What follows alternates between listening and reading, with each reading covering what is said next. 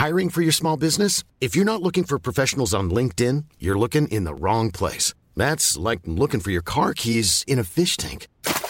LinkedIn helps you hire professionals you can't find anywhere else, even those who aren't actively searching for a new job but might be open to the perfect role. In a given month, over 70% of LinkedIn users don't even visit other leading job sites. So start looking in the right place. With LinkedIn, you can hire professionals like a professional. Post your free job on linkedin.com slash people today.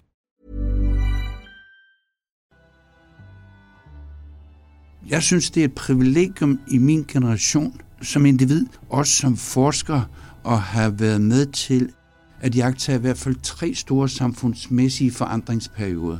Den første er der, hvor jeg kommer i skole. Det er simpelthen velfærdsstatens introduktion med Centralskolen i Glæsborg, og med folkeskolen som den dominerende institution og alles undervisningspligt, ja. hvor, hvor, hvor, hvor inden de kommer fra. Øh, den næste er jo øh, velfærdsstatens finansielle og politiske sammenbrud gennem 70'erne, og reaktionen i begyndelsen af 80'erne ved introduktion af konkurrenceevne begrebet, og dermed forudsætningerne for en konkurrencestat. Jeg vil, jeg vil sige, at det vi har levet igennem de sidste 5-7, måske lidt flere år, er antydninger af en samfundsomvæltning med samme betydning. Men øh, jeg er også sikker på, at det første om 10 år, vi kan se, hvad der skete, hvad det betød, øh, hvad det havde konsekvenser.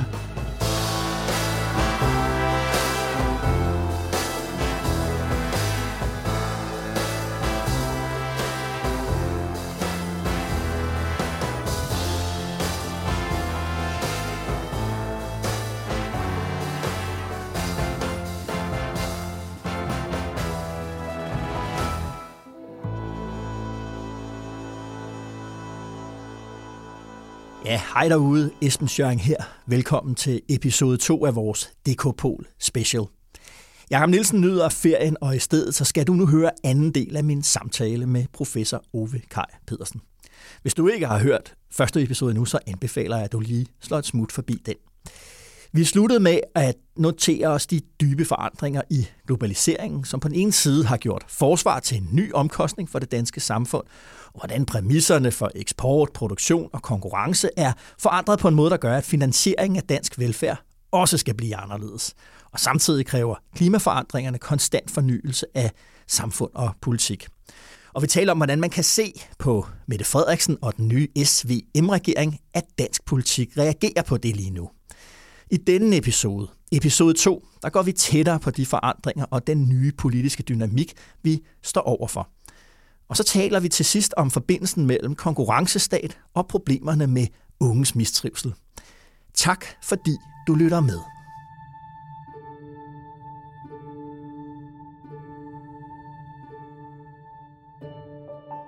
Når du hører Mette Frederiksen tale om helhedsplan, lige pludselig stå på valgaftenen, øh, og jeg var der jo selv. Det var en fest. Folk var glade. Hun omfavner selvfølgelig sejren, men på den politiske indholdsmæssige side, så bruger hun den anledning der, hvor hun jo egentlig bare kunne have solet sig i, ej, hvor har vi klaret det godt, til at sige, venner, nu bliver det en anden tid med reformer. Og det gjorde hun jo også i sin åbningstale i begyndelsen af oktober, hvor hun var meget mere eksplicit øh, i øh, diskussionen om, om den fremtidige dimension 2030. Ja. Øh, en helhedsplan, øh, uden at antyde andet end det, vi alle sammen ved. Klima plus oprustning plus velfærd øh, skal tænke sammen. Øh, og øh, det synes jeg er karakteristisk øh, for valget, også for den reaktion, befolkningen, valgbefolkningen gav på valget, at der var en viden om det. Der var en opbakning omkring det, og dermed også en støtte til øh, den øh, diskussion om midten skal regere. Øh, fordi det er midten, der har reformevnen. Øh,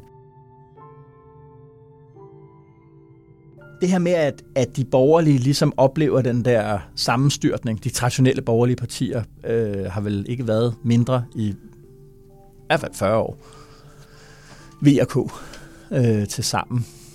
Øh, fordi man kan jo sige, det der omskift, altså behovet for reformer, at der er kommet et sikkerhedspolitisk, øh, forsvarspolitisk øh, element ind i det, det burde jo øh, på en eller anden måde, skal man sige, både for Venstre og Konservativ, være agendaer de kunne jo, men sig i? der har jo været, nu for eksempel det nationale kompromis øh, omkring øh, forsvarsdelen, øh, og det gør jo, at forskellen mellem partierne er minimeret, og det er en af indikatorerne på, at vi rykker i en retning, hvor der er en stor reformvillighed fra den ene til den anden, øh, og det er jo et, et, et udtryk for, at den, der sidder med statsminister og regeringsposition, jo har en fordel, fordi de kan altid tage æren for de reformer, og de kompromiser, der, der er aftalt. Og i det omfang, at man ikke skaber konflikter omkring væsentligt, fordi man er enig i disse kompromisers nødvendighed, jamen så styrker man jo heller ikke sin profil. Og det synes jeg også har været karakteristisk. Det er jo ikke bare omkring forsvar, det er også omkring klima, øh, og det er også omkring velfærd. Der har faktisk ikke været de store grundlæggende knaster mellem de to, øh, to fløje, og det gør, at det er altid regeringspartiet, Øh, der vil, øh, der vil få, så at sige, æren af det. Samtidig er det jo karakteristisk, at hvis man ser på de politiske cykler, cykluser i dansk politik, så har der jo været, 80'erne var jo helt åbenlyst en borgerlig periode, og den gennemførte nogle af de allervæsentligste reformer, som vi lever godt af i dags, dags dato, og der er, øh, og nu er vi så øh, forventeligt på vej ind i en, en, en ny reformperiode, som er karakteriseret ved, at det er Socialdemokratiet, der har øh, førstokken, øh, men at der ikke er den store modsætning. Og det synes jeg var det, der karakteriserede Mette Frederiksens åbningstale. Det var en indsigt i, at Socialdemokratiet faktisk kom for sent til den, store, den sidste store omvæltning, øh, hvor det var slutterregeringerne med Henning Kristoffersen som finansminister, der lavede, så at sige, strategien, som tvang først fagbevægelsen med fælleserklæring 87 til en accept af den strategi, hvorefter det blev Nyrup Rasmussen og Mogens Lykketofts periode, der politisk accepterede, men med en, et efterslæb på en 10, 15, 20 år.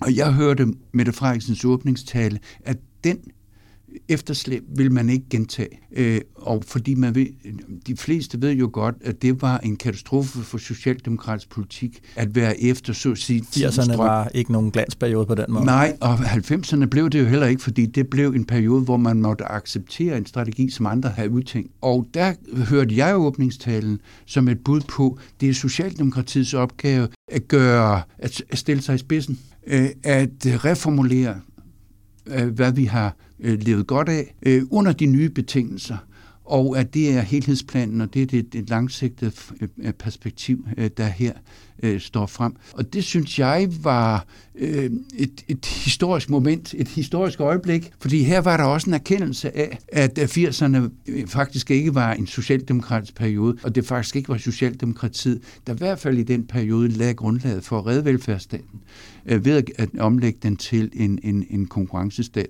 Og den, den vil man ikke gentage. Nu vil man stille sig i spidsen, og det synes jeg ligger også bag det strategiskifte, vi ser øh, væk fra modsætningerne, for eksempel by og land, elite og folk, i retning af balancerne. Øh, og dermed også et oplæg til at inddrage i en midterkoalition på tværs af højre og venstre, øh, og dermed tvinge yderfløjene enten til accept eller til at, at marginalisere sig.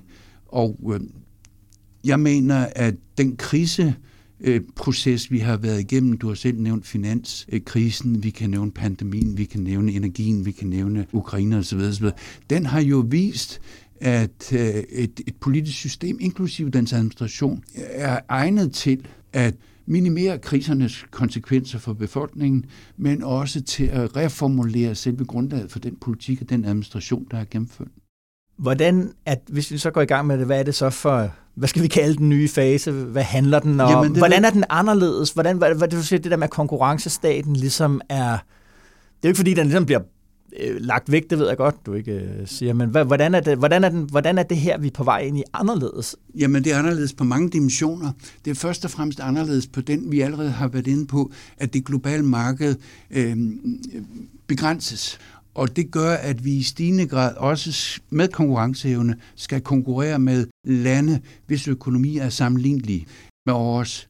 Øh, under 80'erne og 90'erne, der kunne man konkurrere med økonomier, der var usammenlignelige. For eksempel den enorme arbejdskraft, der ligger i Kina eller Sydøstasien, eller i Mellemøsten, eller i, i Nordafrika, som var, var billig og som producerede mængder og mængder af varer, som vi alle sammen stadigvæk bærer rundt på vores krop øh, og i vores øh, tasker osv. osv. Jo, jo, jo. Den, den øh, ændrer sig jo. Ja. Det er ikke billig arbejdskraft og de globale forsyningskæder, der bliver fremtiden.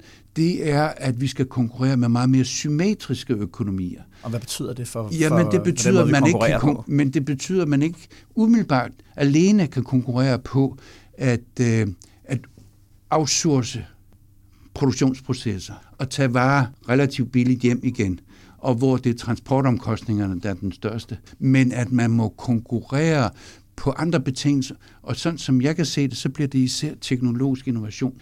Det bliver teknologi, fordi vi skal konkurrere øh, med lande herunder Kina, som har løbet den vestlige type af økonomi ind og har i dag en teknologisk position, som er meget sammenlignelig. Det betyder, at det ikke er billig arbejdskraft, det er teknologi. Og det betyder, at øh, hele spørgsmålet om uddannelse, kompetencer, det ændrer sig. Hele spørgsmålet om produktion og produkter ændrer sig, og hvad der skal være konkurrenceparametren, det ændrer sig. Det bliver teknologi og teknologisk omstilling, øh, der bliver det, det allervæsentligste. Og det tror jeg vil vise sig i en reformulering af det, vi i gamle dage kaldte industripolitik, eller det, vi også i mange, mange år har kaldt teknologipolitik. Og tilbagevenden til den innovationstænkning, som også Poul Nyrup Rasmussens regering var karakteriseret ved, at øh, fremme sammenhængen mellem forskning, og produktudvikling, men også at introducere nye teknologier, som vi ikke selv har udviklet, ja. men som vi er i stand til at anvende og gøre til særlige danske øh, øh produkter. Vi fremhæver altid vindmøllerne, man kan også fremhæve mm, de energibesparende vinduer, og jeg ved ikke hvad, vi, ja. har, vi så at sige har produceret i stort mål, og som har været en, en, et, og, og, og, og fødevare herunder, som har været karakteriseret ved den innovationspolitik, den Rasmussen regeringerne har ført. Jeg tror, vi vender tilbage til en genintroduktion af innovationspolitik, genintroduktion af sammenhæng mellem forskning og teknologiudvikling, mellem forskningscentre og øh, produktive virksomheder, og øh, med understregning af øh, et spørgsmål om kompetencer, altså arbejdskraftens evne til at anvende og udvikle den her teknologi, vi, vi, vi, vi taler om. Så den periode, hvor konkurrencefordelene var en høj kompetent arbejdskraft i modsætning til en lavere kompetent arbejdskraft, som var billigere ude i verden, den er ved at være, den er ved at være løbet ud, og nu står vi over for højkompetente arbejdskræfter inden for det indskrænkede globale marked, som vil udfordre dansk produktion øh, på teknologidimension og, og, og kompetencedimension. Og vil, det, og vil det så sige, når du så lægger den der for eksempel klima vinkel ind over, det kan man også lidt fornemme på det politiske. Okay, vi kommer jo ikke til at kunne konkurrere med sådan noget, du ved, det er ikke os, der finder på den næste iPhone eller sådan noget, men det er på den der sådan, meget sådan specifikke klimateknologi. Det er der, hvor vi kommer, altså en grøn industripolitik ja. med meget specialiserede øh, produkter. Er det, er, det, er, det, er, det, er, det, er det sådan noget som det? Ja, med den fascinerende dimension, at meget af klima og energi og den grønne debat har jo været orienteret imod vækstfilosofien. Vækst er forudsætningen for den klimakatastrofe, vi står med Præcis. Men det, vi taler om her, det er jo en vækststrategi for at finansiere klimaomlægning, energiomlægning ja. og en, en, en, en demografisk faktor ind i velfærdsstaten, og ikke mindst en, en, en oprustning. Så det kommer til at kræve nogle betydelige ideologiske opgør. Øh, og der, I den grønne, i den grønne, i den måde vi taler om klima på, eller? Ja, fordi det klimadiskussionen er gået fra, det er, at der har været debatter øh, begrundet i videnskab og i forskning, som har ud, øh, øh, som har har etableret grundlaget for en række sociale bevægelser, som har presset politikerne til at acceptere og tage seriøst den her dimension. Nu står vi i den overgang, hvor den klimaaspekt, som det er bredt accepteret, det skal finansieres, og det skal have konsekvenser ned i, hvilke produkter, der produceres. Men det er først og fremmest et udtryk for, at der skal en ny vækststrategi til. Det er altså en skift i strategi. Det er ikke et skift væk fra vækst. Men det gør jo, at øh, bevægelserne, og herunder især venstrefløjen, vil blive udfordret. Og det vil være på deres antikapitalisme, det vil være på deres antivækststrategi, og, og der man så kan forhåbentlig se det er en accept af, at det ikke er vækst, der er den store øh, satan, men det er den måde, vækst fremme, fremmes på og frembringes på. Fordi at skabe bæredygtige produkter og produktionsprocesser er jo det almindeligt anvendt ord. Og, men hvad, hvad det indebærer. Det er ja, ja, og hvad for nogle politiske konsekvenser det får. Ja, men det, jeg, synes, jeg, jeg synes, det indebærer jo også et skift i hele ideologiopsætningen. Ja, hvad betyder det? Jo, forstået på den måde, at velfærd har jo været den dominerende samfundsideologi. Den er gået på tværs af partierne, den er gået på tværs af land og by, befolkning og elite osv. osv. Den er blevet, så at sige, den samfundsideologi. Det er jo ikke en politisk filosofi. Det er en, en, en filosofi om, hvordan vil vi gerne leve. Øh, og klima har potentiale til at udvikle sig, men det vil så ske øh, i en konfrontation med velfærd. Aha, hvordan det? Jo, men forstået på den måde, den ideologi, den samfundsideologi, der ligger i klima, er meget mere internationalt orienteret. Velfærdsstat er meget mere nationalt orienteret. Og klima indebærer, at velfærd også skal prioriteres på andre dimensioner end land og by, og socialgrupper og generationer, øh, og beskatning versus øh, service osv., den skal øh, inddrage de produktionsvirksomheder og de eksportvirksomheder, og øh, den forskning, som kan lave klima til, øh, til øh, en, en, en, en ny type af, af vækststrategi. Og der vil, er der ikke nogen tvivl om, den prioriteringskamp, den er allerede på vej.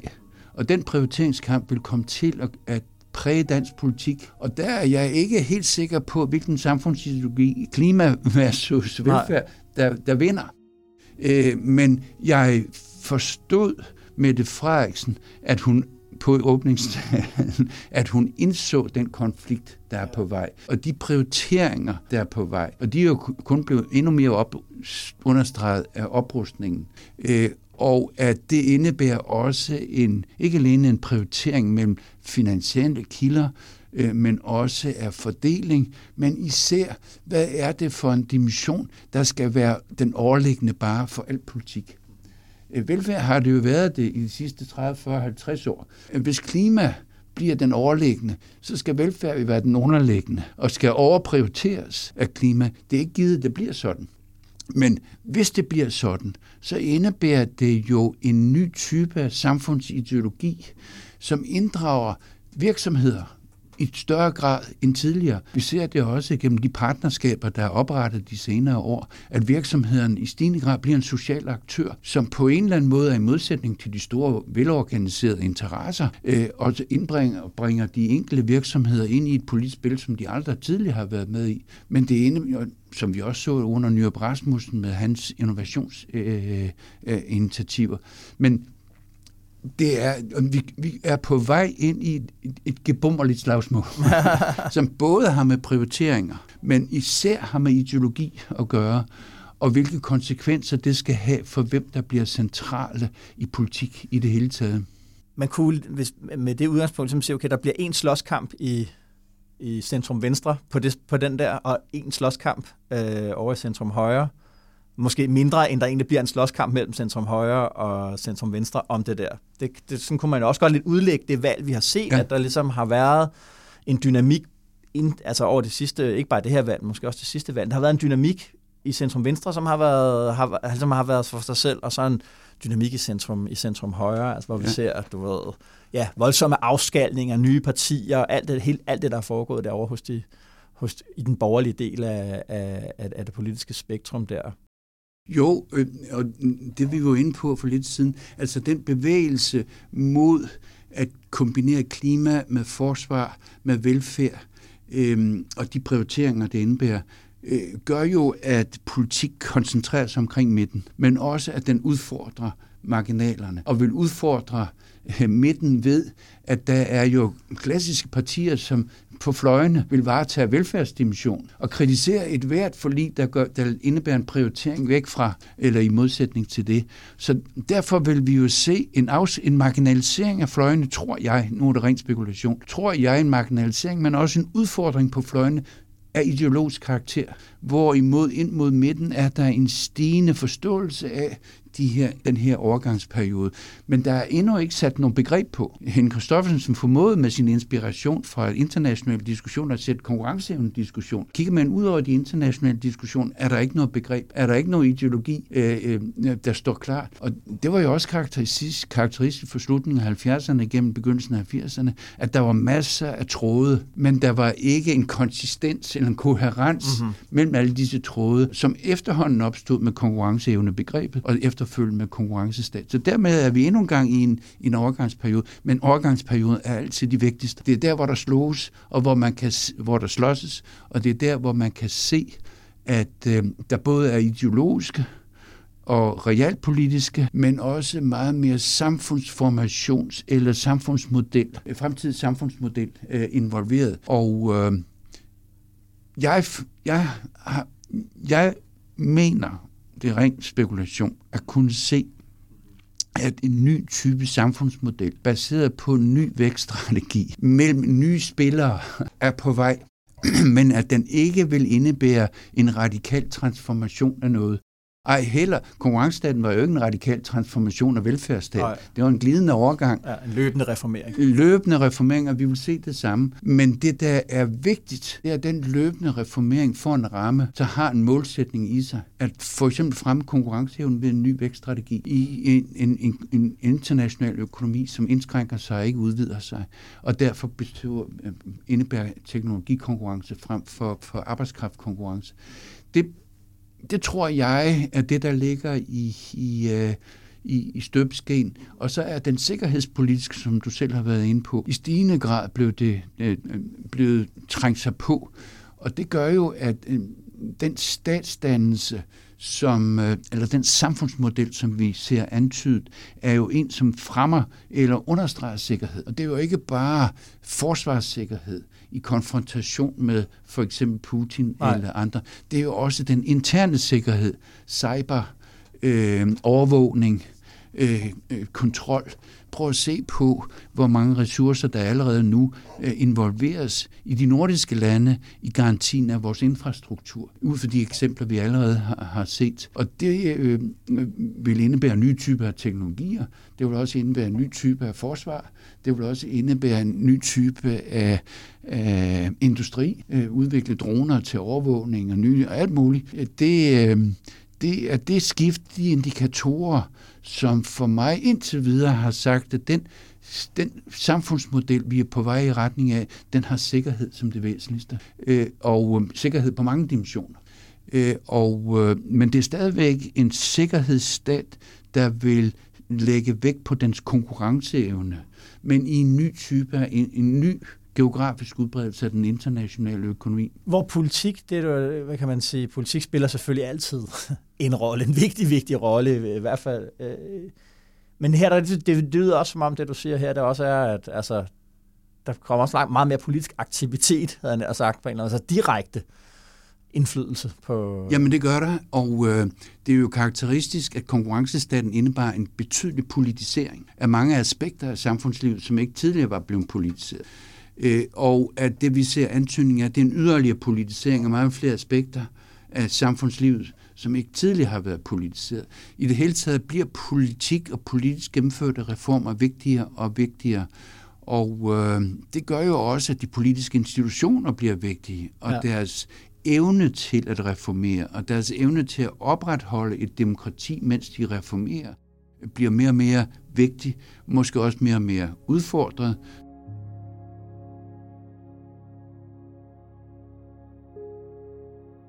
Uwe, her til sidst, øh, hvad det hedder, øh, noget af det, som der også kom frem med din beskrivelse af konkurrencestaten, det var jo forandringen, hvad kan man sige, af, af vores fælles menneskesyn. Uh, du begyndte at tale om det der med det opportunistiske menneske, der blev fremelsket eller var forudsat, altså det vil sige et menneske, som reagerer på incitamenter. Ja. Uh, og, og, og det vil sige, tænker på at ja, at være opportun i sådan en, ikke i, det var ikke, det var jo ikke sådan moralsk nedladende, du, du beskrev mm. det, men altså at opsøge muligheder for sig selv. Mm.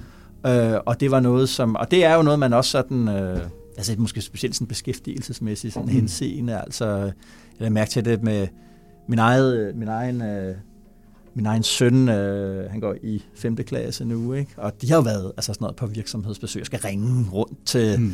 øh, folk, der er ansat, og høre, hvordan det er at have deres arbejde. Altså, mm. altså at man installerer ligesom en målsætning, altså hvad kan man sige, det er en måde for folkeskolen at understrege grunden til, at du går i skole det er, at du en dag skal have et, et arbejde, øh, for eksempel. Ikke? Og det, det, har der jo ikke, det har man jo ikke gjort på alle tidspunkter. Mm-hmm. Nå, men hvilken forandring tror du, det får for, hvorfor det der menneskesyn, hvis der er det, en, en, at vi er på vej over i en ny type af konkurrencestat med nogle andre, med nogle andre målsætninger? Øh, selvfølgelig er vi stadig opportune, men, men du ved, når man siger klima, teknologi, sikkerhed, altså hvad kommer vi til at tænke på os selv på en anden måde? Ja og nej sædvanlige, det, det, det er små forskydninger, som vi først om mange år kan se, hvordan har håbet sig op ja, i, ja, i noget ja. anderledes. Men jeg øh, ser allerede nu, at den der opportunistiske person er et uomgængeligt omdrejningspunkt. For eksempel i forbindelse med klima. Øh, for eksempel i forbindelse med energi. Det er jo fascinerende, hvor meget vi lige pludselig har lært at bespare ja. vores energiforbrug. Men det er også fascinerende, at det er fordi omkostningen ved at bruge energi er eksploderet. Men det resultat, det er opportunismen. Ja, ja der driver det, er jo ikke, det er jo ikke fællesskabsfølelsen. Nu skal vi alle sammen bekæmpe Ej. Putin ved Ej. ikke at bruge gas. Nej, det er, nu er gassen så dyr, så vi ikke kan betale for den. Så derfor, og den mekanisme også omkring klima, nu skal du være seriøs omkring at sortere dit affald. Nu skal du være seriøs om at købe en hybridbil eller en elbil. Nu skal du i det hele taget være bidragsyder til at løse ja. de, denne individualisme som er jo koblet til incitamenttænkningen og dermed den opportunistiske person, er i stigende grad blevet omdrejningspunkt for deltagelse i løsningen af mange af disse her kriser. Det jeg ser som det nye, det er, at det ikke bliver så let, som det har været. Og at der ind i den enkeltes personlige liv kommer en lang række prioriteringer. Vil du bruge energi? Eller vil du minimere dit forbrug med det konsekvens, du måske kan sidde og halvfryse til aften? Jo, jo, men det er jo en prioritering. Ja, det er der. Det er en, og du kan se den på mange, mange flere dimensioner. Det betyder, at prioriteringen for den opportunistiske person bliver vigtigere og vigtigere. Skarpere. Skarpere. Og det kan du se på mange, mange dimensioner. Og når der skal prioriteres, så skal der jo være et grundlag for prioritering. Og det er det, vi sædvanligvis kalder etikken. Jo. Etikken er jo der, hvor man sidder i en dilemmasituation, en ja. prioriteringsdimension, og man kan vælge til den ene side, man kan vælge til den anden side, men man skal vælge. Og man skal finde begrundelse for, hvorfor man vælger. Derfor tror jeg, at den etiske, altså den beslutning, den valget, prioriteringen og begrundelsen for den prioritering individualiseres i en stigende grad. Og øh, der mener jeg, at vi i hele vores uddannelsessystem, også på universitetsniveau, har mis, misset en chance, øh, som øh, at understrege, at et, en valgsituation indebærer en prioritering, også en begrundelse, og at den begrundelse ikke nødvendigvis er opportunistisk, ej heller nødvendigvis er individuel, men skal fælles i et fælles grundlag. For eksempel klima, for eksempel op, oprustning, for eksempel velfærd, og at mm, der derfor er på vej, og det ser vi inden for de forskellige fagprofessioner, det ser vi også i mange typer af offentlig debat, at etikken bliver vigtig. Og det er mm, dermed også at udstyre den enkelte med et grundlag for at træffe de beslutninger, den enkelte skal træffes. Jeg ser meget af den, øh, øh, den tilstand, mange unge er i, øh, som et udtryk for, at de ikke har fået grundlaget for... Altså alt det her, vi diskuterer under begrebet mistrivsel. Ja, at de simpelthen ikke har fået redskaberne til at træffe de valg, som de under alle omstændigheder er pålagt at træffe. Og ej heller har fået givet begrundelserne for, hvorfor de skal træffe dem. Men det resultat, at der tror jeg, det er ren spekulation, det er Svend Brinkmann, man kan, man kan tage som, som uh, udgangspunkt for den diskussion, at de mangler grundlaget for overhovedet i en fællesskabstænkning at begrunde, hvorfor de har truffet de beslutninger. Og så det er også der, finde støtte jo... hos andre i den beslutning, de har truffet, og, og ikke individuelt. Og så havner vi jo ligesom i, i det, som også var velfærdsstatens store mål, nemlig dannelsen af, yes. af befolkningen yes. øh, som projekt. Det er jo noget, vi, vi taler meget om det, men jeg, nu er jeg bliver jeg i tvivl om, hvorvidt vi egentlig gør noget ved det.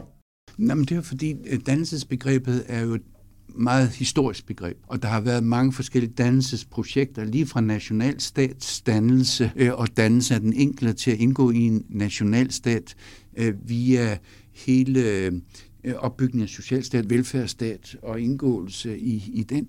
Nu står vi med et dannelsesbegreb, som er historisk befængt, og, men med en udfordring om at reformulere det i lyset af den her individualisering og opportunisme, vi har talt om. Hvordan kan man med etik, som jo i et eller andet sted også er koblet ind i demokratiforestillingen, øh, udstyre, ikke alene mig og dig, men også de unge, med redskaber til at håndtere de individuelle valg, de er blevet pålagt under konkurrencestaten, og samtidig finde begrundelser, der siger, jamen, det er nok mit individuelle valg, men jeg har en fællesskabstænkning, jeg ja. kan begrunde den fra. Men det resultat, hvis det går galt, og hvis det går godt, så er det ikke mit ansvar alene. Så har jeg fundet begrundelsen i noget, der er uden for mig, og ikke bare inde i mig. Det betyder, at den der introverte selvkritik, som har karakteriseret, synes jeg, helt mistrivelsespointen, også karakteriseret konkurrencestaten, den forhåbentlig kan minimeres igennem sådan en, men det kræver et helt andet dannelsesbegreb. Så, så, så du ved, fordi for de der indikatorer, du taler om, der kan sige, at vi får brug for ingeniørerne, vi får brug for øh, økonomerne, vi får brug for det teknisk videnskabelige, og mm. også på sådan forsvarsmæssigt uh, set mm. øh, den form for kompetence. Det vi taler om nu, det er jo så ligesom, der er vi over i det, i, i det blødere, i, ja, og det, var det, ja. det filosofiske, ja. det psykologiske, ja. det sociologiske, højskoler, Absolut. alt det der. Yes. Det får sin relevans derigennem. Ja, øh, eller at de, øh, de mere ofte finansierede undervisningsinstitutioner inddrager det, der du kalder højskoletradition, ja. og gøre sig til stedet, hvor det kan foregå. Men jeg synes, pandemien var jo et godt eksempel på, at der bag enhver også økonomisk beslutning, politisk beslutning, politisk økonomisk beslutning, ligger en etisk dimension, en prioritering. Og den kom evident frem under ja. pandemien. Altså det her med, at vi er klar til at suspendere markedet for at redde den enkelte. Yes, og Sat vi er klar spidsen. til at udfordre den offentlige øh, økonomi. Men det var da også et kæmpe chok, og du var da også overrasket over det. Det, ja, ja. det havde jeg ikke forventet, nej, nej. At, øh, man kunne. Man kunne jo også se visse aktører, Tænketanken Cepos, var, ja. virkede som om den var i chok, fordi hey, øh, ja, ja. hvad det hedder... Men det var, også, det var også sådan en sprække i den efterkrigstidsøkonomisme, mm-hmm. som har kendetegnet velfærdsstat, øh, hvor, man, hvor det viser sig pludselig med en spræk, at der er etiske dimensioner, der ja. er øh, menneskeforståelse bag også de mere tekniske øh, aspekter. Og den sprække er jeg ikke et sekund i tvivl om, vil udvide sig og blive større og større, og skal bruges som et eksempel til, at det du kalder de blødere videnskaber, de ja. humanistiske videnskaber, filosofien ja. og, og, og teologien ja. osv., osv., ja. og dem, der repræsenterer dem, skal frem, fordi det er jo eneste steder, hvor man har principielt og ud fra teoretisk indgangsving forholdt sig til etikken på tværs af, efterkrigstiden, så er teologer jo og filosofer det eneste, der har holdt liv i en diskussion om, hvad er sammenhængen mellem den enkelte og så fællesskabet, og hvordan, hvad, hvad er det for en refleksion, der udspringer af den sammenhæng. Og øh, det er derfor, jeg under pandemien sagde, at jeg håber, at etikken hermed får en position, og jeg håber, at teologer og præster og filosofer øh, og, og humanister vil blande sig i den diskussion, fordi de er eneste, der har en tradition for at forholde sig til det. Men sprækken viste, at der er behov for og mistrivsel er der er behov for, at den dimension får en vigtigere position. Men der er jo også en, en modsætning, Ove, der, der er jo, altså, når man tager sådan en, uh, en af de der helt store sociologer lige nu, uh, ham der Hartmut Rosa, øh, tyske øh, sociolog, han problematiserer jo ligesom det, altså, hvad skal man sige, alt det, der foregår over på den økonomisk-teknologiske side, altså accelerationen af, af, af, af samfundet. Svend Brinkmann er jo en, en, en, en dansk udgave af den samme, en, der går ind og problematiserer øh, betingelserne for vækst, ja. be, øh, altså de humane konsekvenser eller, øh, for, for vækst. Menneske, menneskeaspekterne. Er Præcis. Det, ja. øh, altså sådan, når man kan sige, at, at ja, der, der er brug for et samarbejde, men det vi ser mest af er egentlig modsætning og konfrontation. Jamen det er det, der karakteriserer overgangsperioden. Og, øh, men jeg ser det vigtige i den kritik, af den teknokratiske økonomisme.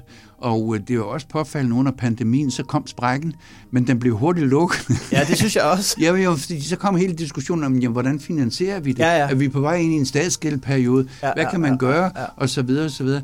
Øh, men øh, sprækken øh, fornemmer jeg med den her årgangstid, vi er i, øh, og med de erfaringer, vi har om mistrivsel og så videre, så videre, vil blive større og større, og vil, vil så at sige, begrunde en mere og mere blød videnskabelig indsigt, og også at udstyre den enkelte med evne til at reflektere over de valgsituationer, de står i, og ikke bare pålægge sig selv ansvaret for det, fordi ligegyldigt hvor meget valg man skal træffe som individ, så er disse valg pålagt Ja, ja. af, af eksterne om. Ja, vi træffer jo ikke, altså, vi, vi træffer jo den slags valg netop ud fra kollektive forestillinger. Præcis. Sproget er jo også Ja. kollektivt. Værdierne er jo kollektive.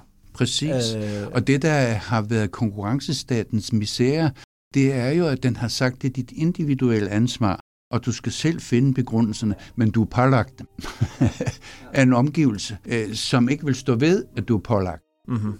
Og øh, der tror jeg, at vi er på vej ind i en, en, en, også en overgang, og den kommer til at være præget af klima øh, dimensionen, fordi klimadimensionen er i stort mål en etisk dimension. Det er jo et spørgsmål om, hvad vil man som min privilegerede generation være med til at overlevere til de næste generationer, og kan man stå til ansvar for det, man overleverer. Øh, og sådan vil det også være for de næste generationer, din og øh, mine børnebørn. De vil jo også stå med, med, med det dilemma. Og det dilemma vil jo trænge sig på i stigende grad med klimadiskussionen som overliggende, men også med velfærdsdiskussionen som eventuelt overliggende, eventuelt underliggende, og så forsvar, altså sikkerhed. Øh, uden sikkerhed, ingen diskussion. øh, og det er jo realpolitikken, der har vist sig med sit grove ansigt, også for danskerne, at hvis vi ikke har fregatter, der, der, der, der sejler rundt i Østersøen, hvis vi ikke har F-16'er, der styrter hen over himlen, jamen så er der ikke så meget grund til at debattere noget som helst, fordi så er der ikke noget formål, eller der er heller ikke nogen mulighed for at debattere. Og øh, det er jo realpolitikens grusomme ansigt, vi ser, og øh, det er så også en opvågning, ikke bare for det politiske system, men også for, for politikerne, om at realpolitik også har med sikkerhed at, at gøre. Og derfor har jeg også udtalt flere gange, vi er på vej ind i en kold periode, men vi er også på vej ind i en realistisk periode. Vi har faktisk levet meget privilegeret i mange år, på grund af, at andre har påtaget vores sikkerhed. Den der sikkerhedsparaply, du, Ja. øh, du talte om. Hmm.